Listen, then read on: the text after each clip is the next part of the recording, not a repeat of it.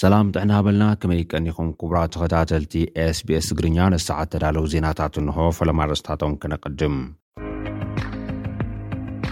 ሓዱሽ ኣምባሳደር ኣሜሪካ ኣብ ኢትዮጵያ ስርሑ ከም ጀመረ ተገሊጹ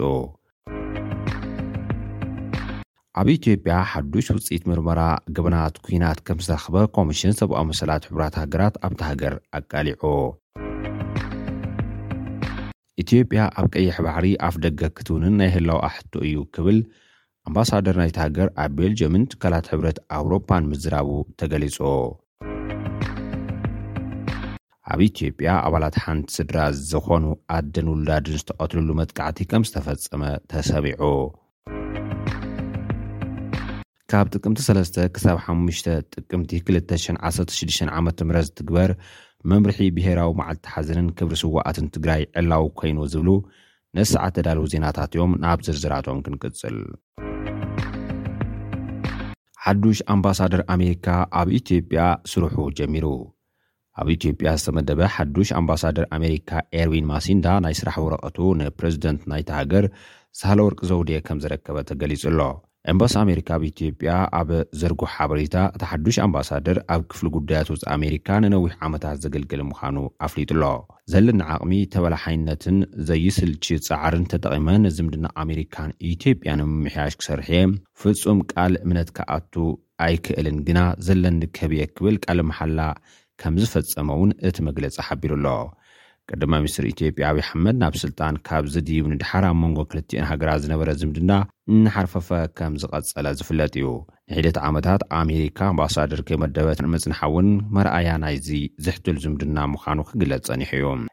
ኤርቪን ማሲንጋ ቅድሚ ናብ ኢትዮጵያ ምምዳቡ ኣብ ክፍሊ ጉዳያት ወፃኢ ምክትል ተሓጋጋዚ ቢሮ ጉዳያት ኣፍሪካ ኮይኑ ከም ዝሰርሐ ዝተገልፀሉ ኮይኑ ምክትል ሓላፊ ኤምባሲ ኣሜሪካ ኣብ ሱዳን ከምኡውን ኣብ ቢሮ ስለያን መፅናዕትን ክፍሊ ጉዳያት ወፃኢ ሰሪሑ ኣብ ጎኒ ቻይና ቺለን ኣይቮሪኮስን እውን ብዝተፈላለየ ፀፍሒ ዲፕሎማሰኛ ኮይኑ ዘገልግለ ምዃኑ ተገሊፁሉ ኣሎ ኢትዮጵያ ከበድቲ ገበናት ምፍጻሞም ዘጉልሕ ሓዱሽ ውጽኢት ምርመራ ከም ዝተረኽበላ ኮሚሽን ሰብኣዊ መሰላት ውድብ ሕቡራት ሃገራት ኣብታ ሃገር ኣቃሊሑ።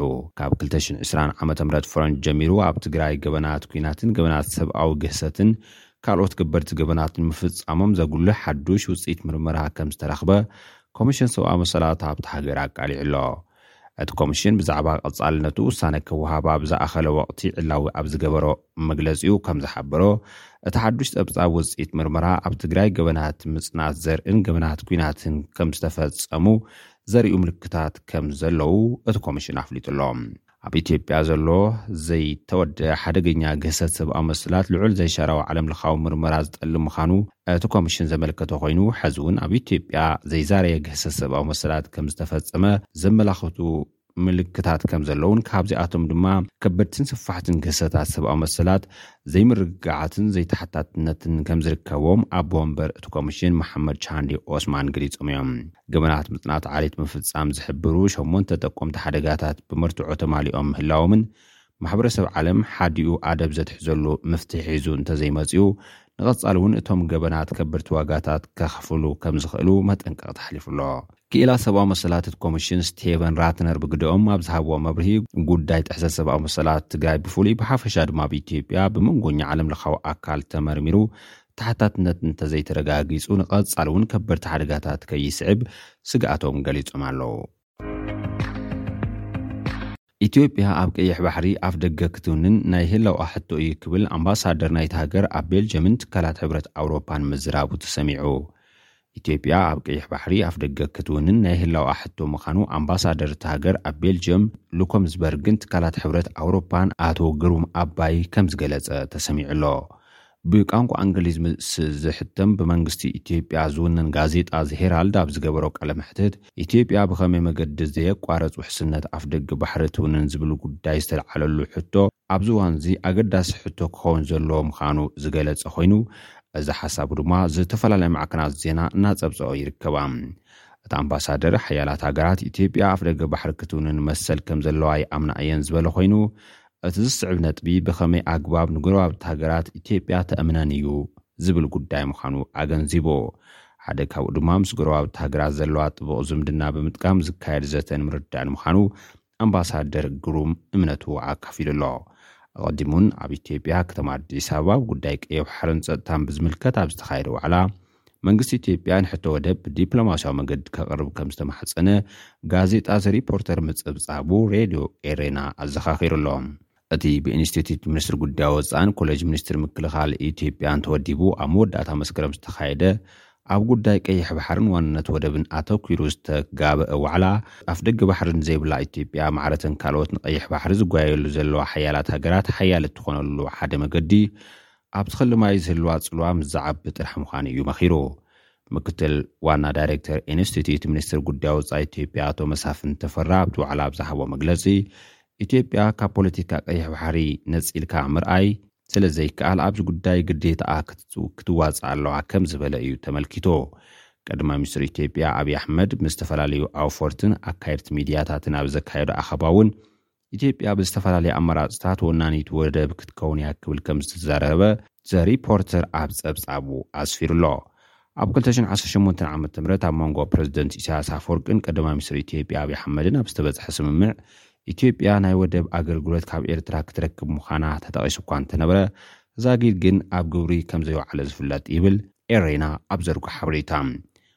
ወደብ ዓሰብ ምስቲ ኣብ ትግራይ ዝካየድ ዝነበረ ኲናት ተታሒዙ ንፍሉይ ጉዳያት ናብ ኢትዮጵያ ዝኣቱ ነገራት ንመራኽብ ኢትዮጵያ ከእንግድ ምጽንሑ'ውን እቲ ጸብጻብ ኣዘኻኺሩ'ሎ።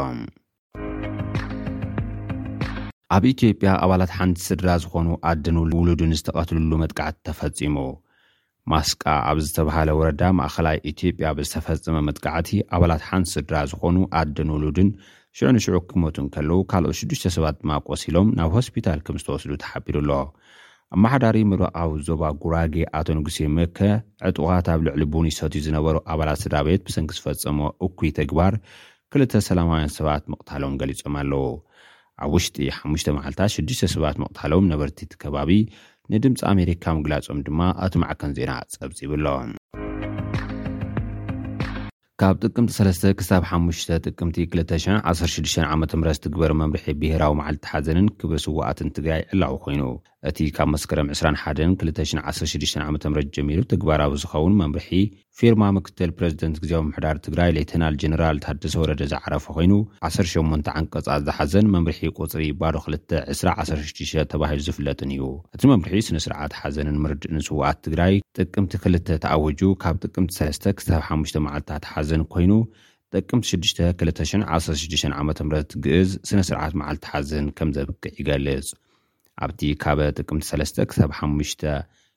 ክልተ ሽሕ ዓሰርተ ሽዱሽተ ዓ.ም ዝትግበር መዓልቲ ሓዘን ብመምርሒ ዝተኸልከሉ ብሕጊ ዘቕፅዑ ተግባራት ተነፂሮም ኣለው። ኣብ ብሄራዊ ሓዘንን ድሕሪኡን ካልእ ተለዋዋጢ መምርሒ ክሳብ ዝውሃብ ንዝተይተወሰነ ግዘ ፍፁም ክልኩላት ዝኾኑን ብሕጊ ዘቕፅዑን ዝርዝር ተግባራት እውን ወፂኦም ኣለው። ኣብቲ መምርሒ ዝተጠቕሱ ሕግታት ንዘየኽብሩን ንዝጥሕሱን ውልቀሰባትን ትካላትን ካብ ዓሰርተ ሽሕ ክሳብ ሓምሳ ሽሕ ብር ቅፅዓት ዝተቐመጠ ኮይኑ ነቲ ዝተቐመጠ መምርሕን ቅፅዓትን ክፈፅም ፖሊስን ኣካላት ፍትሕን ዘካተተ ሸሞንተ ኣባላት ዘለዎ ኮሚቴ ተጣይሹ ከምዘሎ እውን እቲ መምርሒ ኣነፂሩ ኣሎ።